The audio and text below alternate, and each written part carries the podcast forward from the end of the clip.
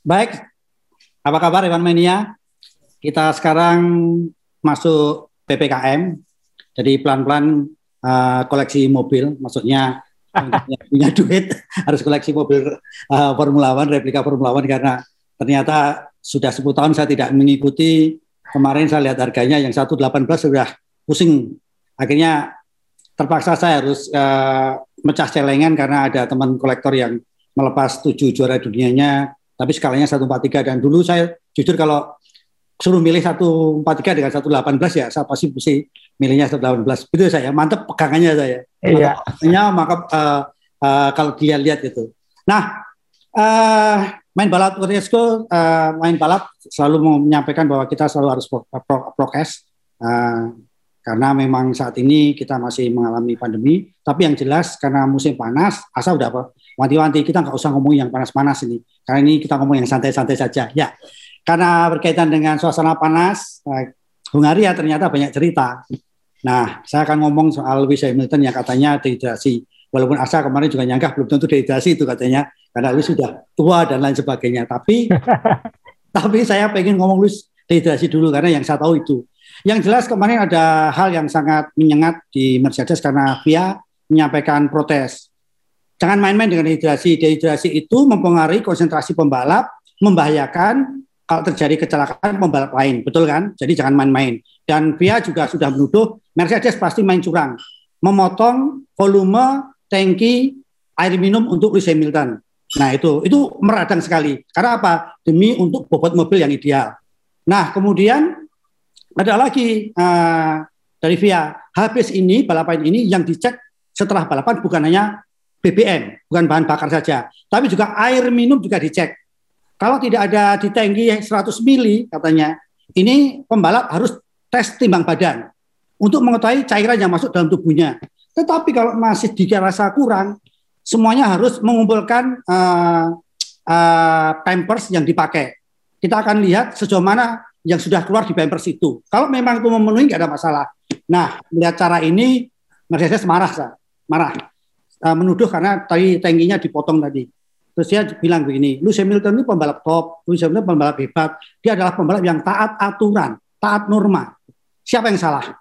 semua billboard di sepanjang sini tulisannya adalah uh, if you driver never drink katanya begitu ya tulis begitu kan yeah. if, you, if drive, you drive never drink never drink nah yeah. yang salah siapa kalau Lewis Hamilton sampai kehausan ya dia kan taat peraturan dilarang minum ya nggak minum salah, gitu kan? nah, itu yang sekarang jadi rame katanya begitu oh ya uh, apalagi Lewis Hamilton ini adalah orang yang sangat taat agama dia tahu bahwa minum tidak menyelesaikan masalah katanya begitu nah Hungaria masih membuat masalah lagi dengan Aston Martin. Katanya sampai saat ini belum ada kabar tentang kejelasan protes yang dilakukan oleh Aston Martin. Dan ini sekarang ini rasanya Aston Martin akan menang. Karena didukung oleh semua insinyur IT di dunia. Menganggap via kuno, via kuno. Zaman now masih mempermasalahkan BBM. Sekarang zamannya pakai WA, Bro. Pakai WA bukan BBM, Bro. bro, bro. Nah, terakhir yang membuat saya bangga adalah uh, Alpine menang, Ocon menang, tetapi yang bahagia adalah Alonso. Jadi sekarang ini adalah pasarnya bukan hanya Alpine in the Chipmunk, anak-anak, tapi semua tante-tante, semua gadis-gadis. Alonso the best, orang yang tahan, orang yang tahan, tahan sekali katanya begitu.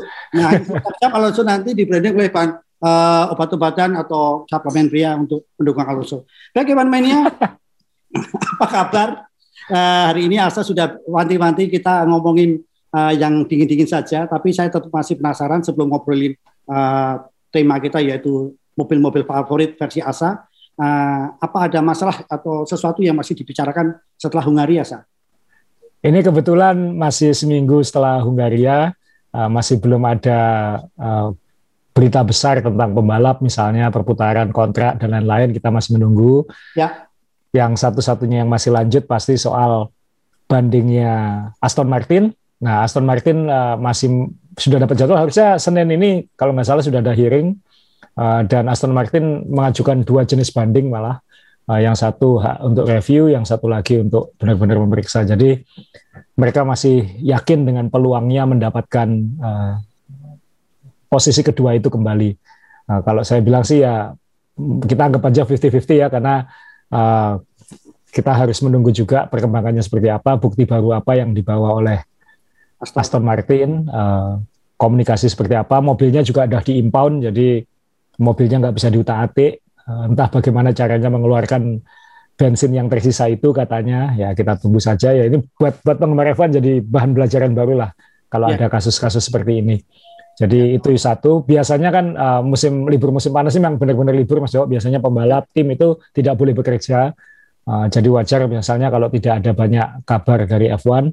Uh, ya. Tapi biasanya juga digunakan momen untuk negosiasi untuk mengumumkan pembalap baru. Uh, kabarnya sebenarnya Mercedes sudah membuat keputusan siapa siapa uh, temannya Lewis Hamilton tahun depan.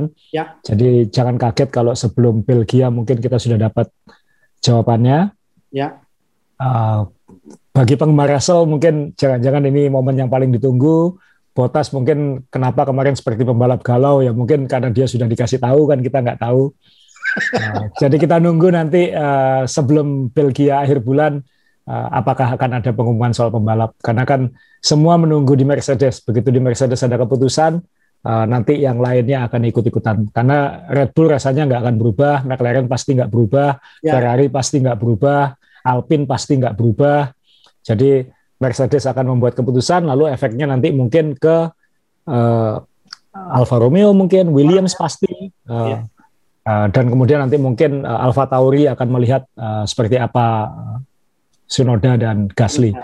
Jadi sebenarnya yang yang ditunggu hanya Mercedes sebenarnya.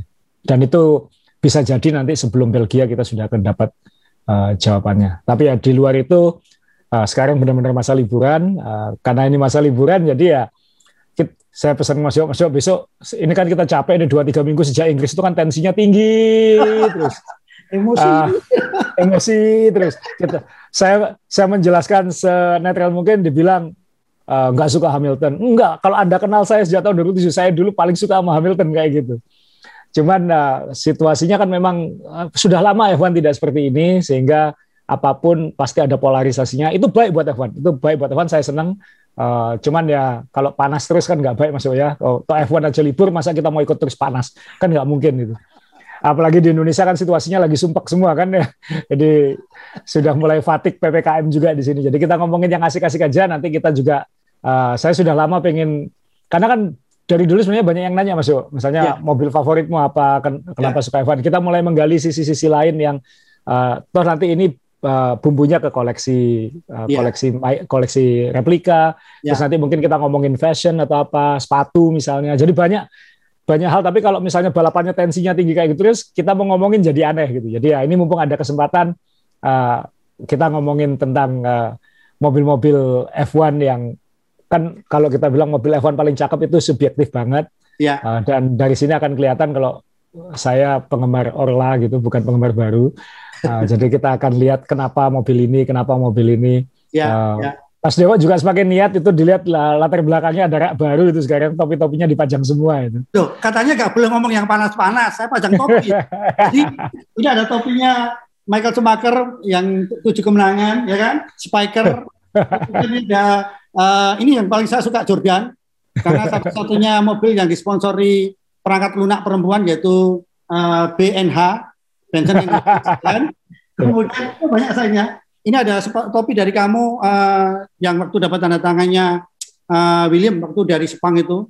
Ini yeah. banyak topi yang saya suka gitu kan.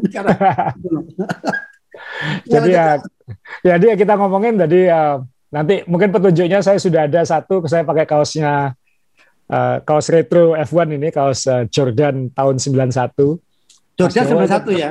Iya, Mas Dewa pakai. Ini berapa ini? Itu itu Stewart Grand Prix Mas Dewa. Itu pendahulunya Jaguar yang sekarang jadi Red Bull. 80-an ke bawah ya berarti ya? Enggak, enggak. 90-an. 90-an tengah. 90-an? 97, oh, 98. makanya. Aku beli cuma 5 euro. Udah tahun 90 ya. saya punya, tapi saya pakai tidur dulu itu. Jadi sudah punya. Padahal sayang itu Stewart Grand Prix. Ah, ya. Lumayan terkenal. Okay. Kan sempat menang juga. Ya, eh. jadi uh, kita akan ngomongin tema mobil-mobil ya. favorit. Nah, nanti saya minta tolong mungkin uh, pendengar, penonton, penggemar F1 mungkin nanti di komen juga tulis mobil favoritnya apa, kenapa.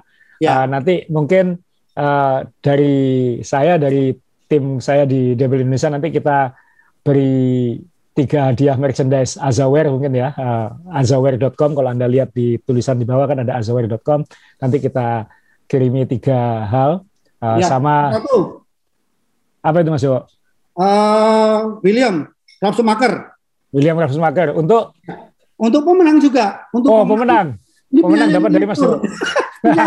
taruh sama saya. Saya udah ngomong daripada saya kirim ke Jakarta saya nggak dapat pahala. Kalau dikasih Evan Mania gimana? Boleh boleh. Nah, asal asal pemenangnya dari Indonesia ya. Ya, di luar jadi kita pemen ya pemenangnya harus di Indonesia, tinggal di Indonesia. Yang komen di bawah nanti kita minta tolong nulis uh, mobil favoritnya apa, alasannya kenapa. Uh, jadi nanti uh, dari Mas Dewo ada replika satu banding 18 ya. uh, Williams. Uh, Williams tahun 2000 nih, F24. Eh apa? Uh, 2000 ya 2004 Mas Dewo. Ya, 2000. Ya. Kemudian dari dari saya nanti ada tiga aparel dari azaware.com. Uh, nanti kita seru-seruan kayak gini beberapa kali lah ya. Oke, kita kita mulai Mas Dewa ya. Oke, silakan Sa. Jadi Yang saya tidak punya ya, saya tidak punya ranking pasti 1 2 3 4. Yang nomor satunya mungkin pasti, uh, tapi empat yang saya sebut pertama ini mutlak yang paling saya favorit, nggak bisa diganggu gugat. Nomor limanya dan berikutnya nanti ada beberapa honorable mention. Jadi ini tidak tidak clear 10 atau berapa, tapi saya akan menyebutkan empat mobil yang benar-benar saya paling suka. Uh, kemudian uh, nanti ada beberapa mobil yang menurut saya saya suka dan itu uh, kenapa seperti itu. Nanti Anda pasti punya fans sendiri. Kalau Anda fans yang tahun berapa, generasi tahun berapa, pasti akan kelihatan nanti. Oh ini suka kenapa segala macam. Nah ya. kebetulan saya mulai suka F1 awal 90-an, tahun 92 tepatnya, pertama kali nonton Nigel Mansell mencoba menyalip Ayrton Senna di RCTI dulu, Grand Prix Monaco. Itu pertama kali saya tertarik dengan dengan F1. Kemudian dari situ saya koleksi Tamiya, ngerakit mobil-mobil miniatur, uh, suka baca-baca tulisannya Mas Arief Kurniawan dulu. Kemudian ya. Kemudian saya mulai clipping, koleksi eh, majalah-majalah, buku-buku uh, sehingga dari situ belajar tentang F1, belajar struktur F1 dari ngerakit miniaturnya uh, ya. Tamiya. Nah, dari situ saya jadi dari situ Anda akan melihat kalau saya ini suka era awal 90-an. jadi itu era yang bikin saya jatuh cinta pada F1. Nah, di mobil-mobilnya kira-kira seperti itu. Mobil yang yang pertama saya tampilin ini bukan nomor satu favorit saya. Uh, setelah itu akan saya tampilin. Tapi ini mobil yang uh, menurut saya uh, sangat kuat di hati saya karena semua mungkin tahu saya penggemar Ayrton Senna. Anak saya namanya Ayrton, jadi pasti saya penggemar Ayrton Senna. Uh, jadi ini foto yang foto yang saya tampilkan pertama ini ini adalah McLaren MP48. Jadi McLaren itu dulu selalu pakai istilah MP, MP MP4. Ya? Jadi sekarang jadi MCL kan. Tapi sebenarnya urutan angkanya masih masih sama. Jadi yang dipakai Lando Norris dan Daniel Ricciardo sekarang adalah 35. Uh, ya. 35 yang dipakai dua kali karena tahun lalu juga udah 35, dan tahun ini 35 lagi. Uh, nah ini uh, MP48, ini mobil Ayrton Senna tahun 93. 93. 93. Jadi kenapa mobil ini menurut saya saya favorit saya sebenarnya kalau orang ngomong McLaren era Senna kebanyakan mungkin akan bilang MP44. MP44 itu tahun 88 yang waktu itu Ayrton Senna sama Alain Prost menang 15 dari 16 lomba. Ya. Menang 15 eh, dari 16 lomba. Ya. Nah ini uh, ini tidak juara dunia, uh, tidak dominan, ya. tapi ini adalah mobil yang mengantarkan Ayrton Senna menang terakhir di F1. Jadi setelah pakai mobil ini dia pindah ke Williams kemudian tewas di San Marino. Jadi mobil ini yang mengantarkan dia jadi juara dunia dan secara emosional itu cerita kenapa saya suka mobil ini, tapi di sisi lain mobil ini khas McLaren-nya Ron Dennis. Apa khasnya Ron apa? Ron Dennis itu orangnya harus kelihatan rapi, harus kelihatan uh, cantik, harus kelihatan elegan. Oh. Dari semua mobil Ron Dennis mungkin yang jelek mungkin yang tahun 95 doang. Tapi uh, rata-rata semua lekuk-lekuknya itu selalu elegan uh, dan uh, dan you know, uh, di mata itu proporsinya pas. Nah mobil ini juga uh, salah satunya ini saya ingin uh, nunjukin fotonya dari atas. Jadi kalau kita lihat dari atas uh, bagaimana bentuknya itu begitu simpel ya. Tadi khas uh, awal 90-an, minimalis, uh, tidak seperti sekarang. saya terus terang kenapa nggak suka mobil yang sekarang karena mata saya sakit lihatnya. Uh, kemudian kalau kita lihat hidungnya masih low nose, sayapnya masih sangat simpel. Oh, ya. uh, dan ini mobil sebenarnya uh, underpower karena waktu itu McLaren ditinggal Honda. Honda ya. ini kan pergi datang pergi datang terus. Jadi tahun 93 itu menggunakan mesin Ford. Jadi tim customer ini uh, mesinnya beli. Uh, dan itu bukan mesin yang hebat. Ini saya menunjukkan uh, mesinnya Ford uh, V8. Jadi yang lain ada V10, uh, ada V12. Uh, McLaren waktu itu pakai Ford V8. Uh, dan ini mesin yang umum di F1 karena banyak tim lain memakai. Uh, mesin utamanya malah dipakai oleh Michael Schumacher di Benetton waktu itu. Ya. Uh, tapi dengan kendala ini, uh, saya ingin nampilin foto ini. Ayrton Senna masih bisa menang lima balapan oh. naik mobil ini. Jadi eh, itu taksi tadi ya. Ya. Jadi ini ini benar-benar uh, apa ya show of tryingnya Sena ya. ya. Uh, dan foto yang saya tampilin ini adalah di Donington di Inggris. Uh, katanya ini dianggap sebagai lomba basah uh, juara basah paling hebat dalam sejarah. Uh, ya. Dengan mobil underpower dia bisa uh, menang. Dia dari lap pertama dari peringkat lima langsung memimpin kemudian yang lain belepotan harus pit stop berkali-kali, Sena bisa menang dan hampir overlap seluruh pesaingnya. Yeah. Uh, jadi ini salah satu kemenangan terhebatnya. Uh, juga saya ingin nampilin satu foto lagi, Sena waktu di Monaco. Monaco ya. Dan dia menang terakhir di Monaco menggunakan mobil ini. Uh, dan kalau bagi yang suka hal-hal teknis, sebenarnya mobil ini punya satu satu peran penting dalam sejarah. Kalau kita lihat ya di samping kokpitnya ini ada bar spot. Oh ya. Jadi dulu bar spot itu hanya papan, hanya papan di samping kokpit. Ya. Uh, dan ini adalah mobil pertama yang mempopulerkannya di di F1. Hmm. Jadi ini mobil uh, satu minimalis, cakep buat saya proporsi lekuk-lekuknya itu enak di mata, ya. uh, di tangan Sena dan warnanya khas McLaren ya. Jadi soal corak mungkin ini ikonik, uh, kontras sekali dengan helm kuningnya Sena. Ya. Jadi dilihat dari jauh itu ini Sena, ini McLaren, uh, dan ini mobil uh, buat saya adalah wah karena waktu itu kan saya baru tahun pertama senang F1, saya langsung senang dengan Sena dan dengan mobil ini dulu saya mendukung Sena sebagai underdog tapi underdog yang sering menang. Kan beda Mas ya. Kalau kita bandwagon itu kan mendukung langsung yang kuat dan juara gitu. Ya. Waktu itu saya mendukung Sena yang mungkin membalap terbaik tapi naik mobil yang kalah. Ya. Yang kalah kelas. Waktu itu kalah kelas dengan uh, Williams pasti Williams Renault dan mesinnya harusnya kalah dari Benettonnya Michael Schumacher tapi Sena mampu menang banyak dan finish nomor uh, dua di kelas uh, klasemen dan menang lima lomba. Jadi buat saya ini mobil yang uh, punya tempat khusus uh, di hati saya karena luar biasa. Nah, waktu itu sebenarnya mobil ini sempat membuat Senna ingin terus bertahan di McLaren uh, sebelum ya. dia pindah ke Anu karena bahkan McLaren sempat memodifikasi mobil ini. Ini ada foto saya menunjukin satu lagi. Mobil ini dalam versi polos. Kalau Anda perhatikan bagian belakangnya lebih panjang karena waktu itu memang McLaren menaruh mesin uh, mesin Lamborghini. Oh. Jadi waktu itu McLaren kan ditinggal Honda, jadi dia kan harus cari partner mesin kan. Mesin ya. Seperti itu. Dan pada akhirnya kan waktu tahun 94 McLaren uh, kolaborasi dengan Peugeot Prancis. Uh, yeah. Kemudian dari situ era Mika Hakkinen uh, di McLaren di, dimulai waktu itu. Tapi uh, MP48 ini uh, saya kembali ke foto utamanya. Uh, MP48 ini adalah mobil yang kayak Anda lihat aja lah ini simple, oh, ya. minimalis, uh, proporsi cakep. Uh, saya suka yang yang seperti ini. Ini warnanya warna orange ya saya. Sekali lagi ini warna orange ya. Jadi saya akhirnya penasaran karena ada sponsor rokok. Saya lihat replika. Waduh, kayak saya punya replikanya saya. Saya lihat replika, ini warna orange. Ini orange ya? Uh, sulit ya dilihat langsung. Ya. Di foto dengan di TV agak beda masuk. Ya, jadi beda dengan Ferrari merahnya.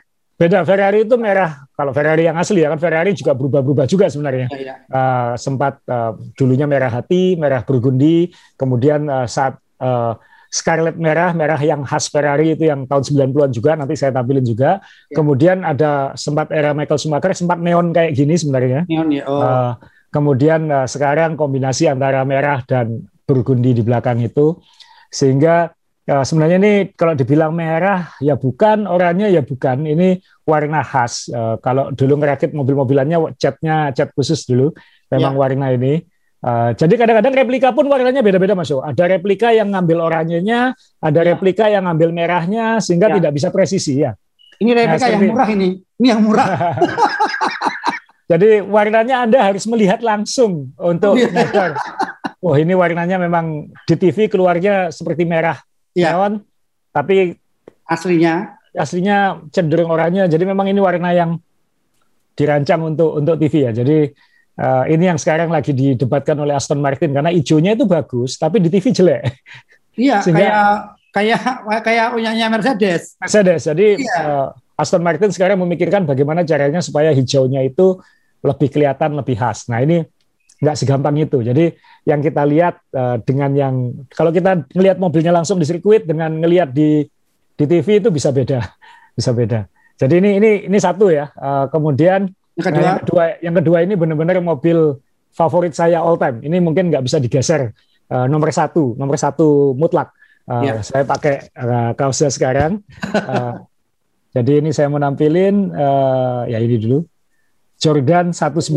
Oh. Cakep. Uh, ini cakep dalam segala hal. cakep dan ini mobil tahun 91. Jadi waktu itu tahun pertamanya Jordan di F1. Eddie ya. Jordan waktu itu dari F3000 dulu kan sebelum GP2 dan F2 namanya uh, F3000. 3000 ya. Uh, timnya Eddie Jordan ini dominan di F3000 jadi juara sama Jean Alesi waktu itu uh, waktu sebelum ke F1. Kemudian uh, Eddie Jordan masuk ke F1, uh, dia punya uh, salah satu desainernya, desainernya uh, sekarang masih jadi pengamat dan itu salah satu favorit saya juga, namanya Gary Anderson. Uh, dan dia uh, juga dikenal dengan desain-desain yang simple, garis-garisnya sederhana, uh, kadang berhasil, kadang tidak. Jadi sukses rate-nya tidak konsisten seperti Adrian Nui, tapi dia punya punya gaya. Uh, dan mobil tahun pertamanya Jordan ini langsung bikin semua orang wow ini tim baru yang langsung bikin impact padahal sebenarnya nggak punya uang waktu itu uangnya maksa banget Eddie Jordan ini kan terkenal entrepreneur sejati ya dia berani nekat berani nekat berani uh, bon, bonek ya berani bondo ya. nekat dan uh, dan aneh berani berani bohongi orang oh, dan aneh kalau di sirkuit ya iya dan nanti aneh ya kerok banget uh, unik orangnya jadi uh, ini mobil yang kalau saya ingin nunjukkan se sebelum diwarnai warna aslinya pun sebenarnya sudah bagus gitu. Jadi seandainya mobil ini tidak punya sponsor, warnanya masih hitam polos, ya. itu aja sudah bagus. Maksudnya kalau kita lihat bentuknya kan khas banget, dia pakai mesin Ford uh, Cosworth uh, V8 seperti mobilnya pendahulunya mesinnya Sena tadi. Nah ini mobil uh, dulu namanya 911 tapi karena waktu itu kalau nggak salah uh, berdebat dengan Porsche yang punya 911 dan uh, tim-tim lain yang pakai kode itu juga. Biasanya 91 kan tahunnya. Uh, jadi akhirnya sama Jordan diputuskan namanya 191. Oh, jadi, saya pikir debat dengan Polsek juga kan. nah, itu kan Polsek juga kan itu. Bukan ya. Oke, lanjut ya. Jadi ini mobil yang menurut saya kalau kita lihat uh, saya ambil dari atas ya. Jadi kita lihat uh, oh. garis-garisnya elegan, simple, karena aerodinamika dulu masih simple, belum ada belum ada market miniatur di pinggir dan lain-lain. Barisbot aja juga belum tahun 91. Uh, kokpitnya masih sangat terbuka rendah. Ya. Warna hijaunya kebetulan warna Seven Up uh, matching banget karena Eddie Jordan kan orang Irlandia jadi warnanya hijau. Ya. Jadi uh, khas hijaunya bisa keluar. Uji paduan film. ya pa paduan putih merahnya Fuji Melon ya. keluar karena matching dengan Seven Up juga. Ya. Kemudian uh, birunya ini pas banget uh, karena kan kalau kita tampilin di sini uh, ya. logo di samping ini ganti-ganti. Ini kebetulan tic kenapa ini Michael Schumacher. Jadi ini mobil pertama Michael Schumacher. Uh, jadi Michael Schumacher dulu kan uh, pembalap binaan Mercedes. Ya. Kemudian uh, bagaimana caranya dia masuk F1? Uh, akhirnya membayar Mercedes, membayar Eddie Jordan 150 ribu dolar waktu itu untuk Michael Schumacher balapan balapan. Uh, waktu itu sekali dulu di Belgia, di yeah. Spa di Belgia. Michael Schumacher langsung qualified nomor 7, tapi lap pertama langsung out karena mobilnya rusak. Ya. Tapi dari situ orang langsung lihat, oh ini pembalap hebat. Balapan berikutnya langsung dicaplok sama Benetton. Ya. Uh, kemudian muncul uh, gugat-gugatan uh, dan akhirnya Eddie Jordan dapat uang lagi karena Michael Schumacher pindah ke. Pinter ya cari uang. Pinter cari uang dia ya. Iya.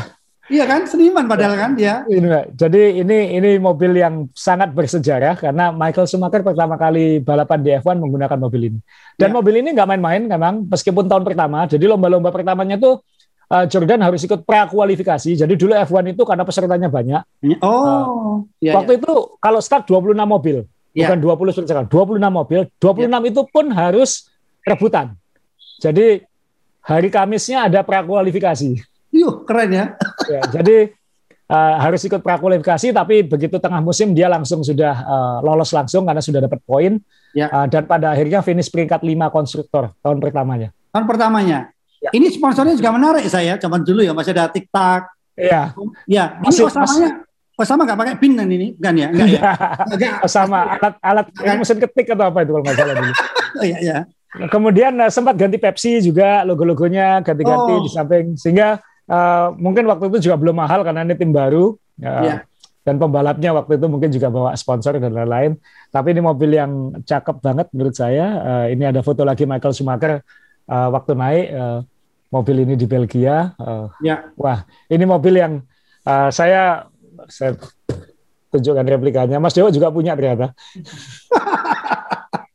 ya, Mas Dewa juga punya ternyata. Saya punya dua ternyata Mas Dewa. Tadi saya cek. Oh, Tapi saya mohon maaf mohon maaf saya nggak mau giveaway yang ini. Kata Iwan Mania doa, semoga yang satu untuk kuis.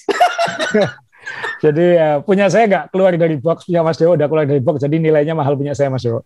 Karena masih nggak nggak keluar dari box. Ya. Saya pecinta sejati saya, jadi saya lus-lus, saya bawa ke kantor, taruh samping mobil nyetir. ya dan jujur dan ini ini ini mobil uh, Yes, menurut saya selamanya akan jadi uh, mobil favorit saya. Lekuknya khas sekali, khas Lekuk sekali. Sekali ya, banyak lekuannya ya.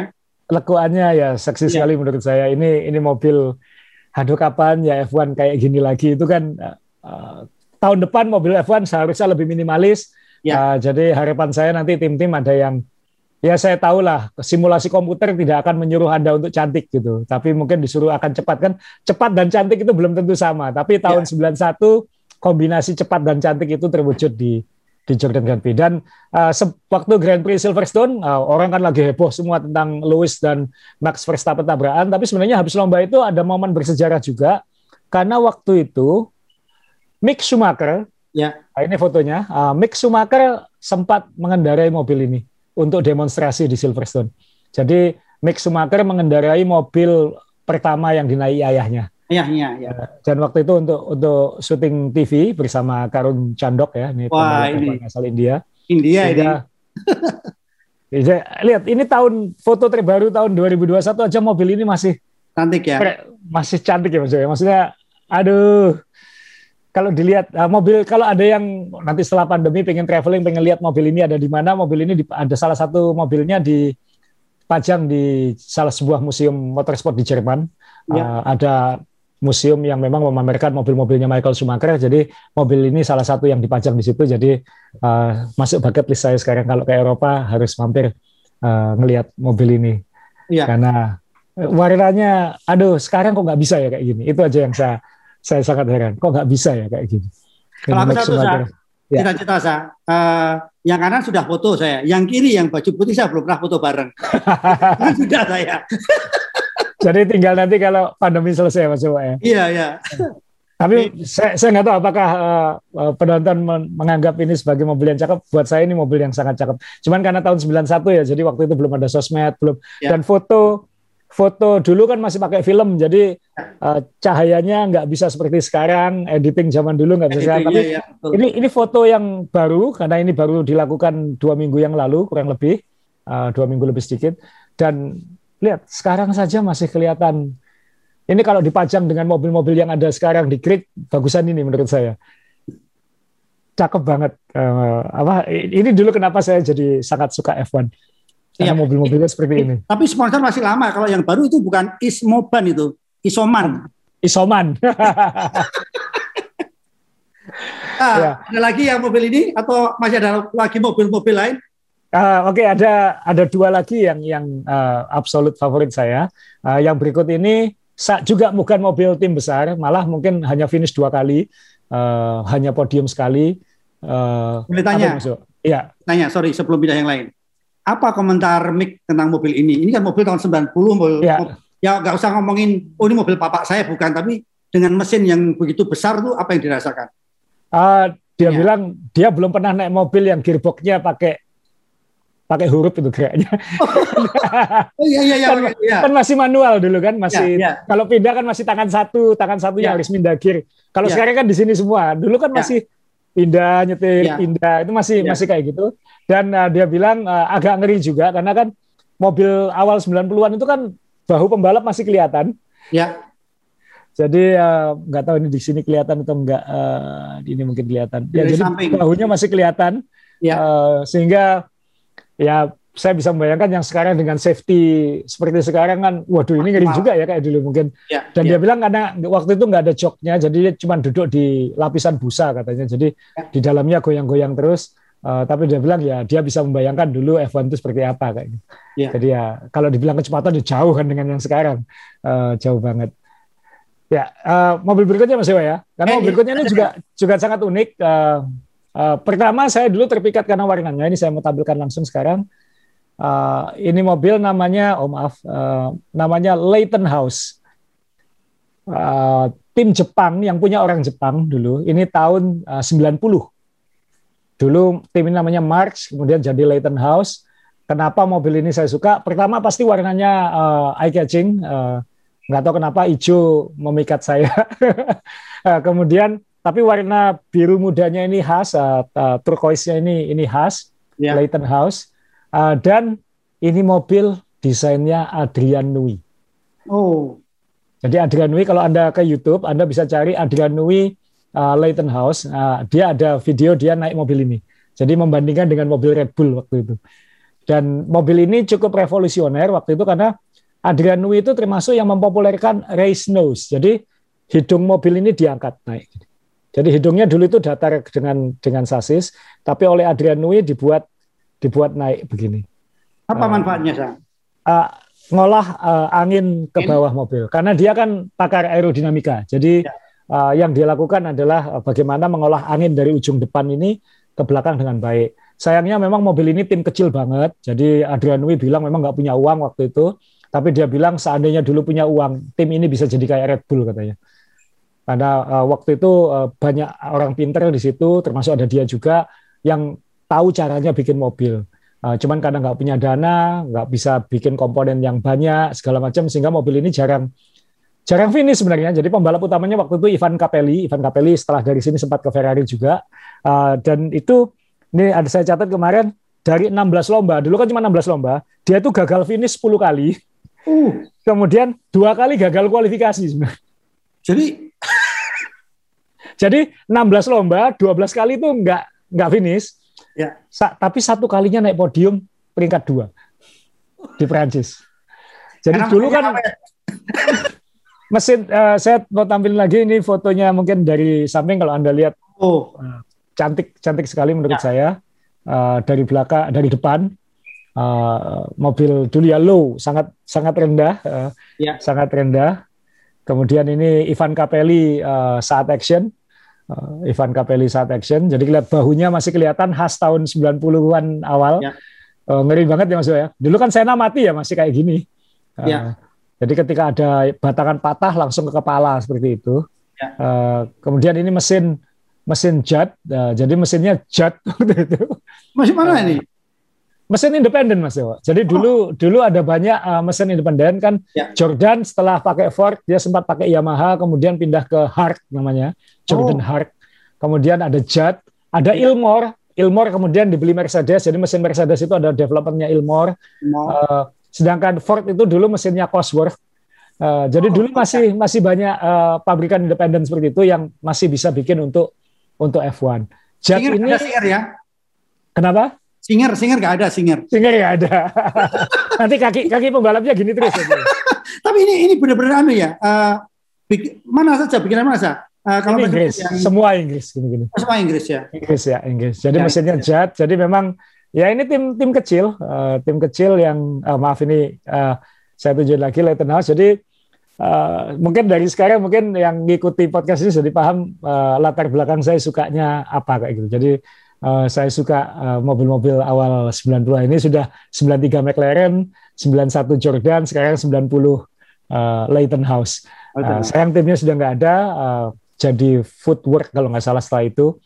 Uh, tapi saya uh, ini dulu juga ada ngerakit uh, mainannya dan itu catnya juga harus beli cat khusus. Jadi Tamiya bikin cat khusus untuk Leighton House karena memang warnanya khas, bukan warna yang kita bisa beli uh, di mana-mana. Jadi warnanya harus nyampur khusus.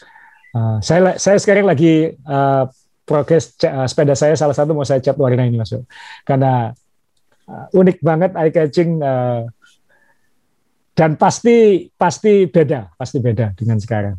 Ya, Sa, boleh saya menyampaikan sesuatu dalam dari hati yang paling dalam, tapi mohon maaf, jangan tersinggung ya saya. Ya. Saya hari ini salah kostum. Ya. Pernah, saya pernah kembali lagi ke Leighton House tadi, ke Leighton apa tadi? Leighton House ya. Ya, kembali ya. ke sana. Nah, ya. jujur Evan Mania, Asa ini pernah pergi dari mana? Mulai-mulai saya kaos ini. bingung, ini tim apa? Saya bilang, ini tim apa? Saya cari di Evan nggak pernah nemu, gitu loh. Jadi kaos itu saya simpan, masih saya simpan. Saya, salah saya adalah hari ini saya tidak membaca kisi-kisi secara detail. Tapi kalau ada Leighton ini saya pikir-pikir ini yang punya kaosnya. Warnanya memang biru-biru ini. Saya punya. Iya. Benar nggak? Kasus Iya. Oleh-oleh dari mana ya? Amerika atau Jepang? Uh, di Inggris ada yang iya. uh, ada yang bikin apa uh, kaos-kaos retro seperti ini. Jadi nah, ya. yang yang ditampilin tim-tim lama segala macam. Ya, Jadi ya. ya kebetulan waktu itu beli ya saya belikan Mas Dewo yang Leighton House waktu itu. Iya, cuman aku bingung, ini kaos apa dikasih? Saya pikir tim sepak bola nggak ada, tim basket nggak ada. Oh ternyata Formula One. ya, enaknya kalau pecinta kasual ini kan salah juga nggak bodoh, ngerti, ya nggak pinter itu. Jadi, tapi uh, ini ini yang ketiga Mas Jadi ada satu lagi yang yang uh, di empat besar saya nggak akan tergeser dan ini ya. uh, ini sangat uh, mobil ini secara teknis sangat uh, eye catching. Uh, jadi sekali lagi untuk jadi mobil paling cakep favorit saya nggak harus juara, karena yeah. saya toh saya juga suka tim-tim kecil kayak gitu. Nah ini ini pasti yang suka F1 lama pasti tahu. Ini satu dua tiga, ya. Uh. Tyrrell, oh, sorry, uh, Tyrrell P34, mobil enam roda F1. Dan mobil ini bukan hanya enam roda, mobil ini menang. Finish satu dua di Swedia. Ini mobil yang dipakai tim Tyrrell Uh, Tyrrell Tyrrell itu tim sebenarnya tim legendaris Inggris. Ini mobil dipakai tahun 76 77. Tyrrell itu kemudian berkembang jadi Honda, Honda berkembang jadi Brown, Brown berkembang jadi Mercedes yang sekarang. Ya. Jadi ini ini ini nenek moyangnya Mercedesnya Lewis ya. Hamilton. Secara tim ini dulu uh, namanya Tyrrell uh, dan tahun 70-an itu memang tahun paling menurut saya paling spektakuler di F1 karena regulasinya masih belum baku sehingga desainnya bisa macam-macam. Bebas ya. Mau, mau enam roda, mau mau pakai sayap di depan, mau pakai uh, airbox besar di atas, mau pakai sayap gantung, mau pakai sayap di bawah, mau pakai apa saja boleh. Masih regulasinya masih liar tahun 70-an itu dan waktu itu Tyrrell memutuskan kita bikin enam roda. Jadi waktu itu ada logikanya kenapa pakai enam roda. Uh, ini pembalapnya Jody Scheckter ya, pembalap Afrika Selatan. Uh, dia menang di Grand Prix Swedia tahun 76 dan dia juara dunia bersama Ferrari sebenarnya tahun 79 kalau nggak salah. Uh, jadi dia dia pernah jadi juara dunia bersama Ferrari. Uh, tapi Tyrrell ini mobil yang sangat ikonik juga ada di museum di Jerman kalau nggak salah. Uh, kenapa kenapa Mas Dewo dibikin empat roda di depan ya. uh, tidak seperti yang lain? Apakah adalah nanti kalau ganti ban gitu, kasihan petugas ganti bannya gimana gitu? Uh, memang konsekuensinya ruwet. Konsekuensinya memang ruwet. Uh, tapi uh, waktu itu alasannya sama dengan kenapa mobil F1 tahun 2022 besok ya pakai spoiler di depan dan semua dilakukan untuk melindungi ban depan. Karena ban depan itu adalah penghalang aerodinamis nomor satu mobil F1. Wah canggih ya pemikirannya. Jadi, ya. jadi yang dilakukan adalah daripada dua ban depan besar, mending empat kecil-kecil. Empat kecil-kecil disembunyikan di belakang sayap depan. Sayap. Jadi bannya ini sama sekali tidak menghalangi angin. Dan tapi kenapa harus empat ya karena kecil-kecil kan. Jadi untuk menyamai gripnya dan lain-lain harus empat biji kayak gitu kira-kira. Uh, lebih berat dikit nggak masalah. Di track lurus kenceng paling kenceng. Ya. Di tikungan cepat ini kenceng. Memang kalau tikungan lambat dan dan kalau jalannya uh, bumpy, bumpy. belepotan mobilnya. Tapi di track lurus dan di tikungan uh, sangat tikungan cepat ini sangat luar biasa. Kalau diperhatikan ini ada jendela kecil di samping kokpitnya. Ya. Kenapa di situ? Karena kalau ada ban besar di depan dua, pembalap kan bisa melihat gerakan bannya. Nah, karena kokpitnya tinggi, bannya kecil-kecil, pembalap nggak bisa ngelihat bannya ini ngadep ke mana. Jadi sama Tyrrell dibuatkan jendela supaya pembalap ya. bisa ngelihat ban ini gerak ke mana gitu. Jadi dia bisa ketika dia manuver-manuver dia bisa melihat bannya. Ini lucu juga menurut saya. Uh, dan mobil ini sekali lagi sukses uh, menggunakan Ford Cosworth V8, mesin paling umum. Mesin ini terbuka ya saya. Ini ya, terbuka, nggak ada tutupnya. Nggak ada tutupnya. Zaman dulu masih banyak yang seperti ini. ini kan aerodinamika masih belum masih primitif Mas Yo, masih belum seperti sekarang dan mungkin lebih adem juga mesinnya begini. Toh nggak ya. ada rahasianya juga. Semua nah. mesin ini mesin yang semua bisa beli. Ini kalau dilihat dari depan, yang kita lihat tadi uh, ban depannya terhalangi oleh uh, sayap depan, ya. uh, dan pembalapnya uh, seperti ini. Kan unik banget, Mas Dewa. Jadi ini mobil yang yang uh, saya saya tahu ada teman uh, Mas Wandalbo di Jakarta yang juga penggemar F1 ini mobil favorit dia. Dia bilang sama. Saya bilang kayak gitu. Ini mobil oh. aneh banget. Uh, jadi kalau di ada orangnya di Jogja sekarang. oh di Jogja. Ya. ya. waktu itu kata ngomong mobil favorit apa? P34. Hotel Utara, P34 sama.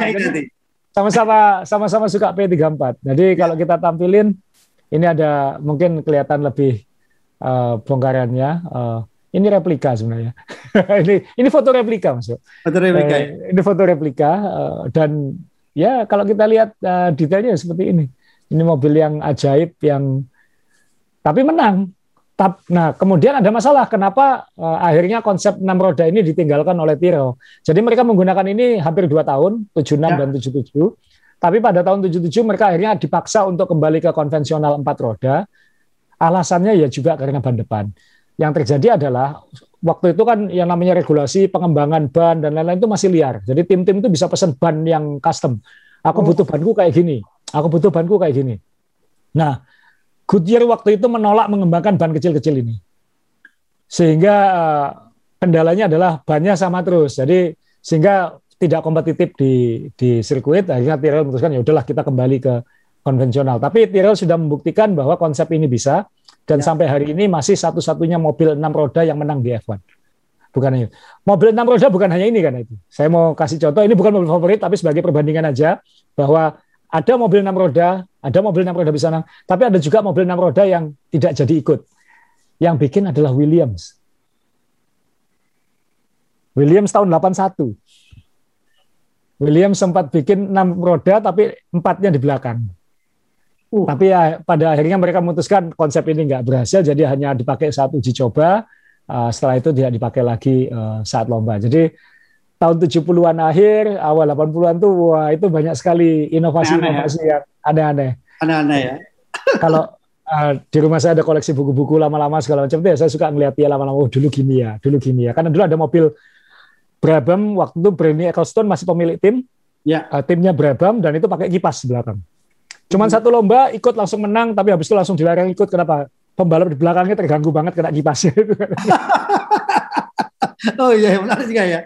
Iya. Jadi dilarang karena alasan safety. Jadi waktu itu memang regulasinya masih uh, coba-coba uh, boleh enggak, boleh enggak, inovasi. Jadi luar biasa. Dan waktu itu kan uh, syarat safety tidak seperti sekarang. Jadi kalau nabrak ya mati.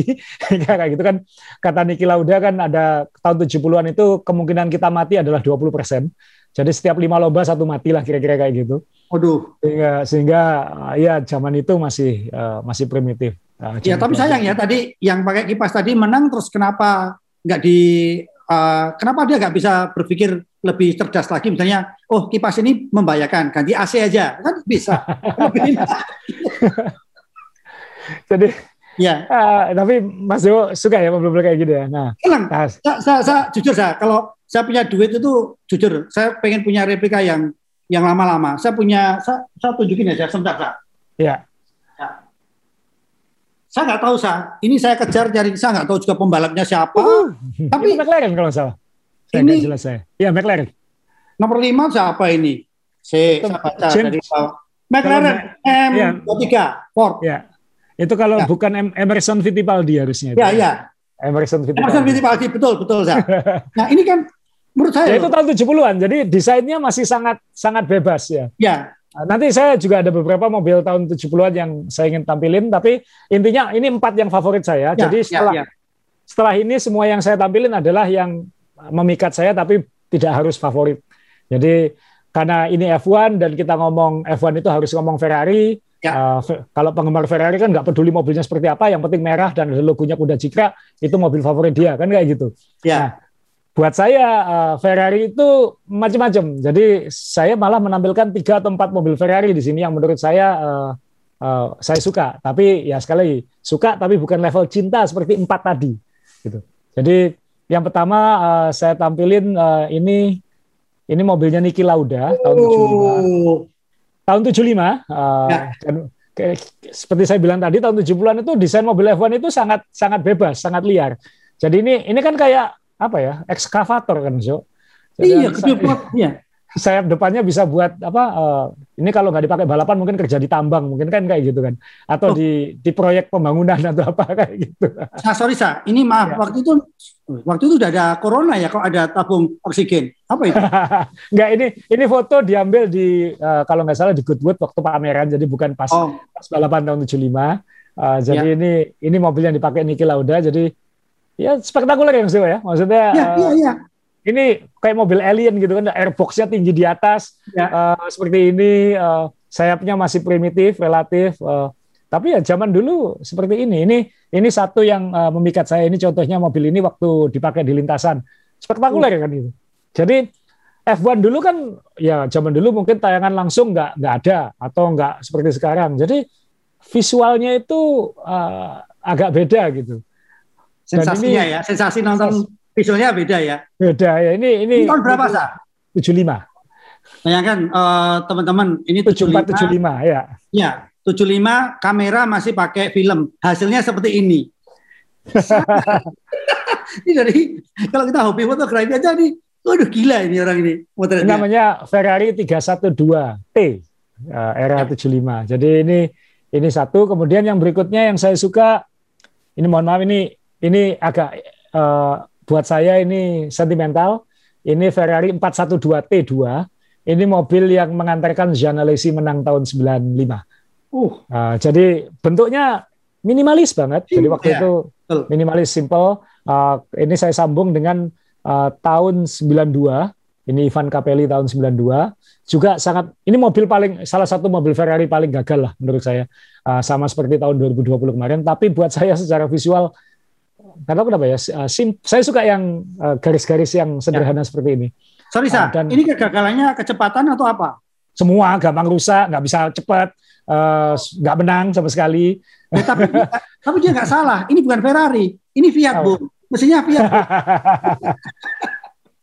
ya, ya. Nah, ada satu mobil lagi yang saya suka. Uh, ya. Ini ini hampir sukses. Uh, saya bukan penggemar Alain Prost dan ini mobil terkenal karena Alain Prost gagal juara dunia karena ditabrak oleh Ayrton Senna di akhir tahun 90. Hmm. Dan waktu itu dia naik mobil ini, ini Ferrari 641 atau ya. F190. Uh, kalau kita lihat side podnya memanjang sampai ke depan. Uh, dan ini uh, uh, tutup bodinya itu utuh dari depan hidung, dari depan kokpit sampai ke belakang jadi satu, Mas Jadi kayak papan gitu kalau dipasangkan. Ya, jadi, ya, ya, ya. Jadi seperti ada dua dua lembar dinding kemudian ditutup papan gitu. Ya. Jadi uh, sekali lagi awal 90-an sangat minimalis, enak dilihat. Ya, ya. Buat anak waktu itu saya masih anak SMP, gampang gambarnya karena so, jadi uh, saya bisa menggambarkan ini. Saya bukan saya nggak punya bakat gambar, tapi saya bisa gambar mobil-mobil seperti ini. Kalau mobil sekarang saya nggak bisa gambar, terlalu rumit.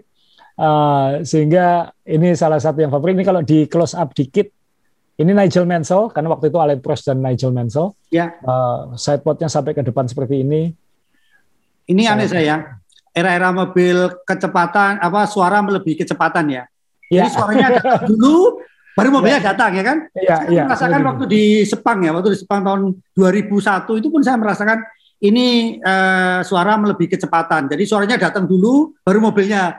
Iya dan dan itu kan beda mas dalam artian ya apa ya ya mohon maaf saya nostalgia zaman pertama suka F1 uh, dan ya saya suka yang yang yang seperti ini saya ber, saya punya harapan tinggi mobil tahun 2022 nanti uh, bisa ya kan sudah dicoba diarahkan lebih minimalis lebih kembali ke era ini sebenarnya jadi hidung lebih rendah sayap lebih simple ya. uh, tanpa barspot uh, uh, aerodinamikanya ditarik ke bawah lagi. Jadi uh, moga-moga nanti tim-tim menemukan solusi yang yang elegan. Saya paham lah karena komputer nggak akan kalau kita pakai program komputer, bagaimana dengan regulasi 2022 mobil ini paling cepat?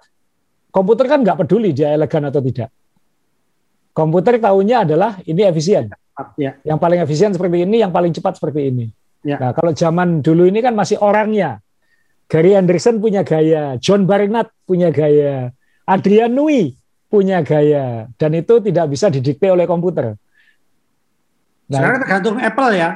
Ya, tergantung Apple. Sekarang siapa aja, mungkin ada program desain mobil F1, uh, eh, dikasih regulasi dimensi, dikasih regulasi uh, bentuk segala macam, tak klik, nah keluarnya jadi kayak gini. Dan mungkin 10 tim, lah keluarnya sama, dibuat beda apanya ya, kan jangan-jangan kayak gitu. Nah itu yeah. yang yang yang saya uh, rindu F1 zaman masih banyak yang original.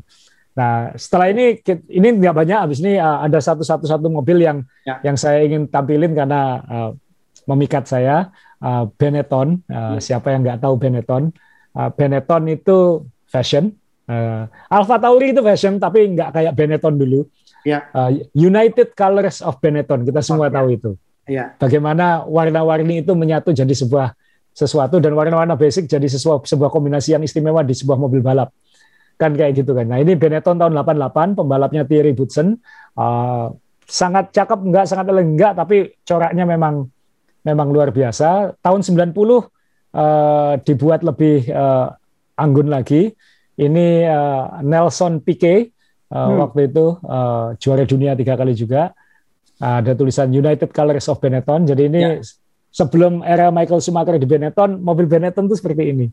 Jadi dulu saya pernah salah satu mobil pertama uh, yang saya rakit uh, miniaturnya adalah Benetton 190 ini dan waktu itu kan warna yang gampang Mas Yo, hijau, merah, ah. biru, kuning, hitam putih selesai. Jadi kok bisa ya ini jadi warna yang ikonik gitu. Uh, uh, ini salah satu dan ini kan juga bukan tim ejak-ejak ini kan menang-menang juga balapan seperti itu. Sehingga United Colors of Benetton uh, entah mungkin sudah berapa tahun tidak ada pengamat F1 yang ngomong United Colors of Benetton kecuali di podcast ini kan kayak kayak gitu. Jadi ya saya rindu dengan Alfa Tauri itu fashion tapi kok warnanya cuma putih biru kan saya juga agak kecewa. gitu ya. Iya sayang, main warna lah, cuek lah. Toh oh, jangan-jangan bosnya juga nggak cari uang di fashion kok. Makanya saya juga berpikir, aduh kalau Indonesia bisa masuk itu kan lucu kan, batik keris, misalnya gitu, batik semar itu kan, ya itu mimpi lah gitu. Kan ya. lucu gitu kan, mobil di iya. batik itu kan bingung. Ini kan jujur kalau saya suka mobil Formula One, uh, saya memang kalau secara teknis saya nggak nggak dalamin, tapi saya suka satu bentuk. Kedua, ya. yang sampai sekarang saya nggak habis pikir adalah Bagaimana kayak contoh Red Bull. Kenapa ya warna Red Bull itu bisa bagus padahal itu banyak sponsor nempel-nempel. Nah, ya. satu soal kalau lihat mobil itu desainernya itu bagaimana menempelkan logo ini di sini, ini di sini, di sini. Ya. Dilihat tuh enak, mobil hewan tuh enak. Kenapa? Dan itu sudah sudah era modern kan Mas Uh, ya, dulu ya. kan dulu dulu ya. Red Bull itu pengennya warnanya seperti warna kalengnya itu kan uh, silver dan biru. Ya. Uh, sempat disimulasikan seperti itu, tapi pada akhirnya nemu dengan format yang sekarang ini yang menurut ya. saya lebih ikonik. Tapi itu pun sebenarnya warnanya sempat ganti-ganti kan. Dulu waktu zaman David Coulthard warnanya masih masih Mark Webber dulu ya uh, awal-awal sebelum Vettel itu warnanya masih glossy, masih mengkilap. Uh, tapi uh, belakangan 10 tahun terakhir dia lebih doff ya. supaya di TV lebih lebih kelihatan seperti itu. Jadi nah, pilihan warna sekarang itu bukan karena bukan karena tampilan tapi supaya di TV kelihatan lebih optimal. optimal nah, ya. zaman zaman Benetton ini kan nggak peduli TV seperti apa dulu. Yang ya, penting kan ya.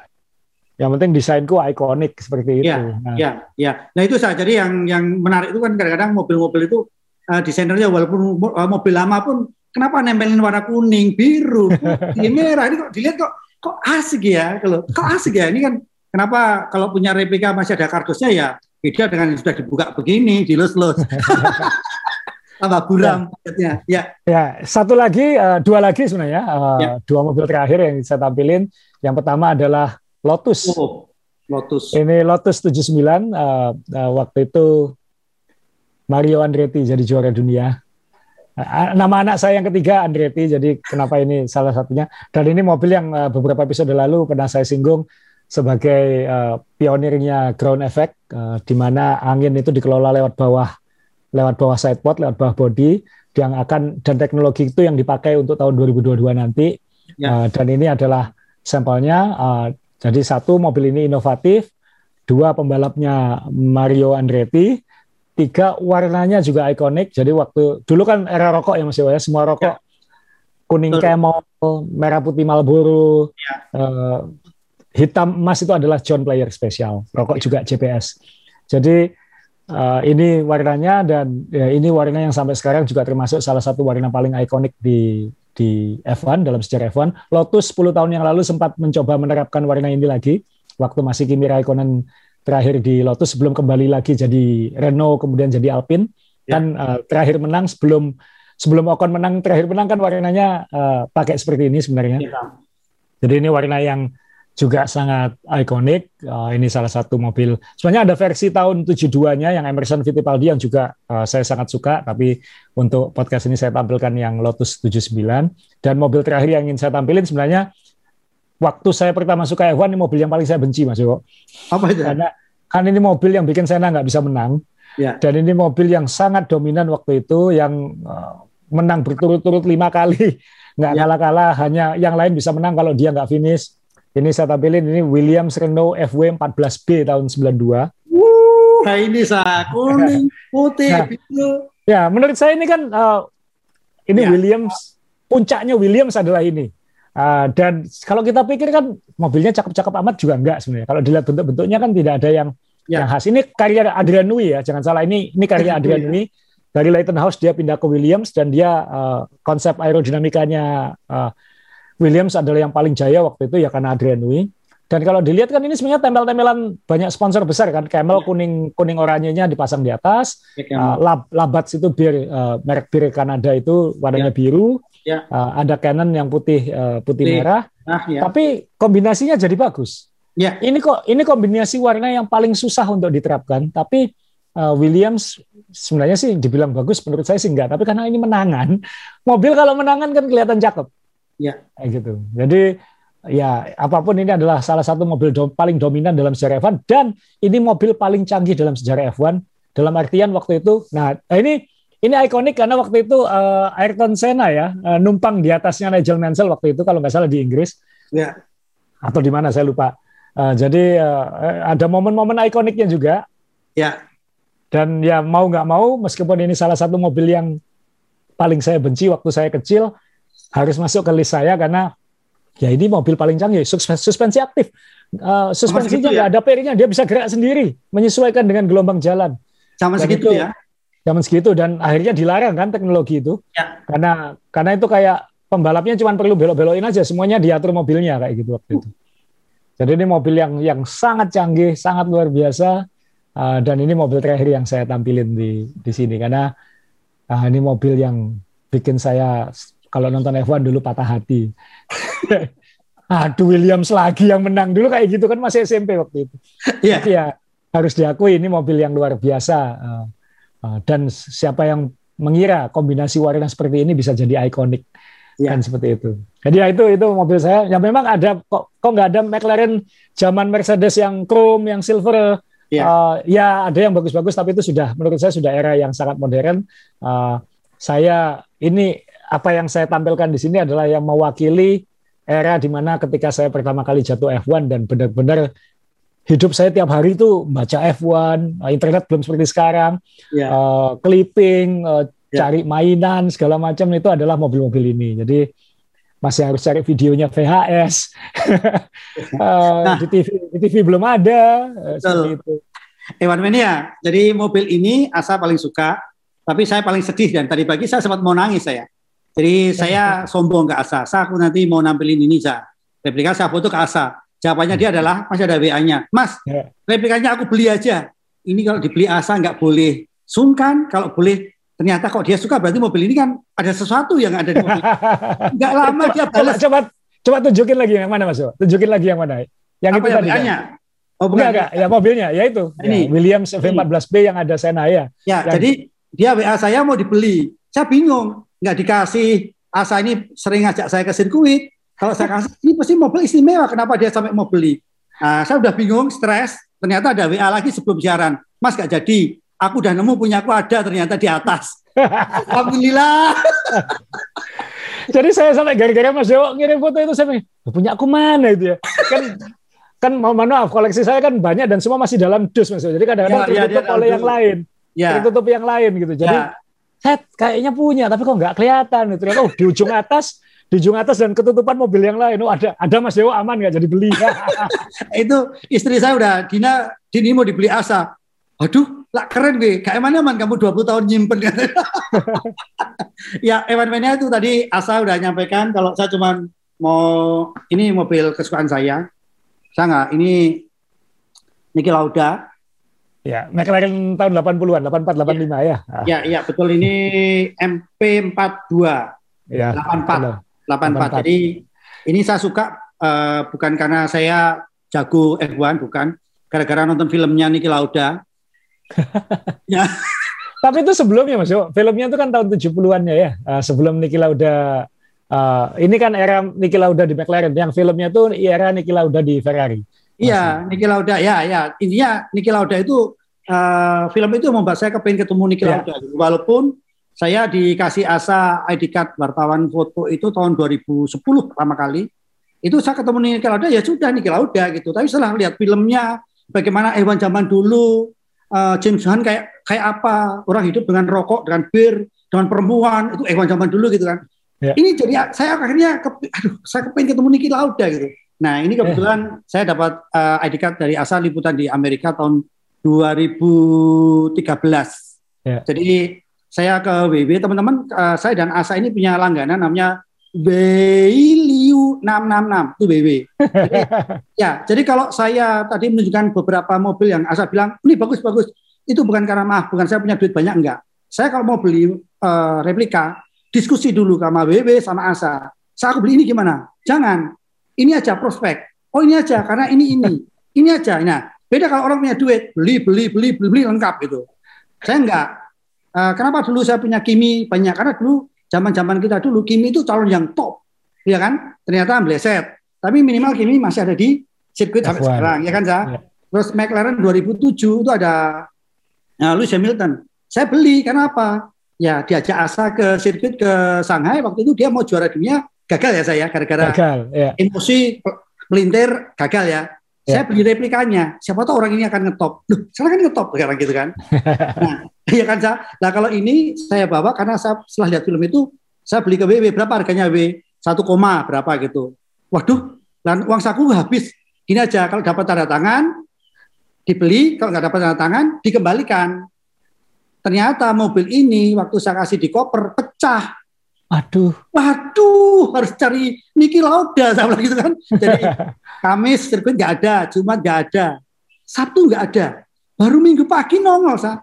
Udah tak tungguin sampai selesai tanda tangan, baru saya ke ke track untuk motret balapan sa. Inilah yeah. uh, makanya saya kenapa Niki Lauda ini menurut saya paling saya sayang ya tadi uh, perjalanannya jauh ke Amerika, kedua risikonya tinggi karena sudah pecah tadi sa.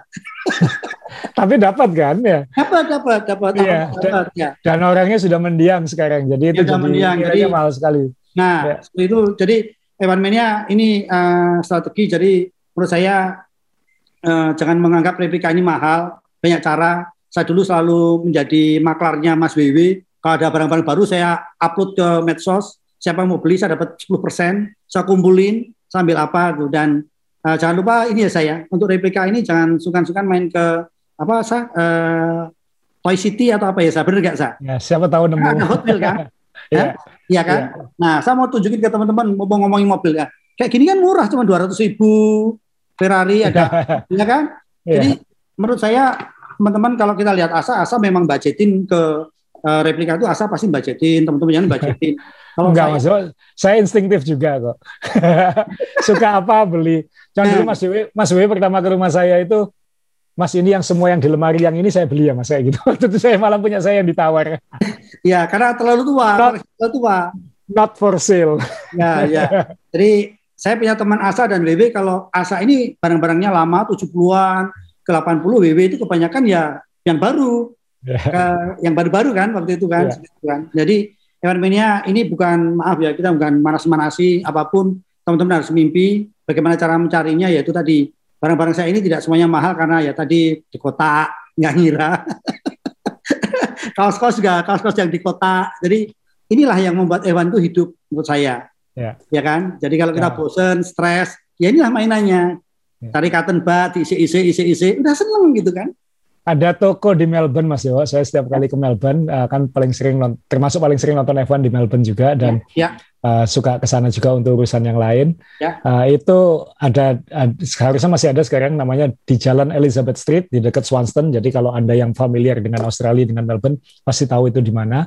Ya. Itu ada toko F1. Anda kalau masuk ke basementnya itu yang lama-lama seperti ini banyak sekali dan otentik semua. Jadi Uh, mungkin ada yang punya kenalan di Melbourne atau apa, silakan ke. Saya lupa nama tokonya, tapi di Elizabeth Street, Elizabeth Street eh, di dekat stasiunnya itu, arah ke stasiun. Uh, itu banyak sekali koleksi. Saya Mas Dewo kan dulu ke sana, kan kita sering ngopi di dekat situ kan Mas waktu itu. Jadi, oh iya iya. iya. Eh, jadi di situ ada tempat uh, jualan yang lama-lama seperti ini. Uh, yang lain toko-toko yang lain hanya buka kalau ada F1 Uh, tapi toko yang di Elizabeth Street itu saya nggak tahu sekarang masih ada apa enggak dengan pandemi ini. Uh, tapi itu salah satu jujukan saya setiap kali ke ke Melbourne. Ya. Kalau di Indonesia saya belum tahu mungkin teman-teman nanti di komen juga bisa ngasih bisa ngasih saran mau beli di mana karena betul, kita karena kita sudah nggak nyari kalau kita dihubungi aja langsung sekarang. ya, uh, jujur aja saya memang untuk kehidupan sehari-hari saya bukan sombong bukan apa ya. Saya juga tas kerja ya pasti nuansa Formula One kaos sehari-hari saya selalu ke Puma karena saya dulu ingat Puma itu ada Toro Rosso, Puma itu ada Red Bull, Puma itu ada Ferrari. Jadi kalau nasib kita bagus, ada Sauber juga, nasib kita ya. bagus kita akan dapat dapat barang-barang itu. Jadi menurut saya nggak ada salahnya nah, kita harus punya strategi bagaimana kita senang tapi hemat. Ini kan penting saya. Iya kan? Hemat. Ya. mungkin ya. itu asal, asal ada tambahan lagi. Enggak, dong ngingetin aja Mas Dewa sebagai penutup. Jadi teman-teman mungkin punya mobil favoritnya masing-masing. Ini saya ya. tampilkan lagi sekarang ini McLaren MP48, ya. Ayrton Senna. Ya. Uh, jadi mobil favorit Anda apa, tahun berapa, kenapa Anda suka itu? Uh, nanti uh, dari Mas Dewa ada hadiah replika ya. Ralf Schumacher tadi. Uh, ini, dan ya. dan dari saya nanti ada tiga merchandise dari azaware.com uh, aparel saya. Jadi nanti mungkin uh, teman-teman bisa komen di bawah. Iya. Uh, sekaligus uh, jadikan ajang ini sebagai bernostalgia, berdiskusi uh, dan lain-lain. Uh, nanti uh, kalau pandemi sudah berakhir ya tadi kita sudah pernah ngomong dengan Mas Dewa kan kita ya siapa tahu kita bisa ke sirkuit lagi bareng, uh, kita Kali bisa uh, keliling bareng. Ya. Uh, mungkin tidak harus ke sirkuit, misalnya ke museum yang ada F1-nya atau apa. Itu kan uh, ada banyak hal yang bisa kita lakukan bersama. kapan lagi mumpung F1 lagi hangat. Ya, ini lagi panas sih, cuman kita turunkan sedikit kehangatan. Karena terlalu panas terus juga gak enak pusing kepala. Ya, ya, di, di tengah PPKM jangan panas-panas lah, gak enak. Itu masih dari saya cukup. ya, saya jadi terima kasih. Uh, nambahkan juga saya nggak tahu juga uh, apakah di Takashimaya Singapura itu masih ada tokonya yang saya juga barang-barang kuno ada karena sekali lagi saya dapat barang-barang murah seperti Minardi, Jordan dan sebagainya dari situ. Uh, itu ada tokonya sampai tokonya itu karena nggak muat barang-barangnya sampai di lantai. Saya masih ingat di situ kalau kalau ada kesempatan ke sana saya selalu ngambil itu dan kemarin juga ada teman-teman Evan Mania yang uh, DM ke saya, saya gimana caranya nitip membeli Om. Waduh, kita udah nggak pernah ke situ tapi jangan lupa bertemanlah dengan Evan Lovers Indonesia, bertemanlah dengan Betul. Evan Mania Indonesia, ya kan? Terus ada juga yang masuk di grupnya Evan Mania Surabaya sama masukin. Silahkan nanti kalau pas teman-teman ke sirkuit saling saling menganu, saling nitip biar yeah. kita kita bawakan yang asli gitu kan. Ya. Yeah. Nah, itu. Oke, okay, uh, eh, Asa, yeah. terima kasih untuk pencerahannya mobil-mobil lama yang menurut saya uh, tidak ada salahnya kita harus punya uh, jiwa odipus, suka yang tua-tua karena bisa membandingkan yang muda seperti apa. Sekali lagi kita tunggu bagaimana kelanjutan uh, protesnya Aston Martin Ya. Yang jelas Sebastian Vettel itu didiskualifikasi karena tidak uh, BBM-nya bahan bakarnya tidak mencukupi dan ternyata sekarang menginspirasi uh, menginspirasi semua pembalap. Jadi kalau balapan semua sekarang bawa KTP wajib. Kalau kehabisan bensin bisa ditinggal KTP-nya. dan salam.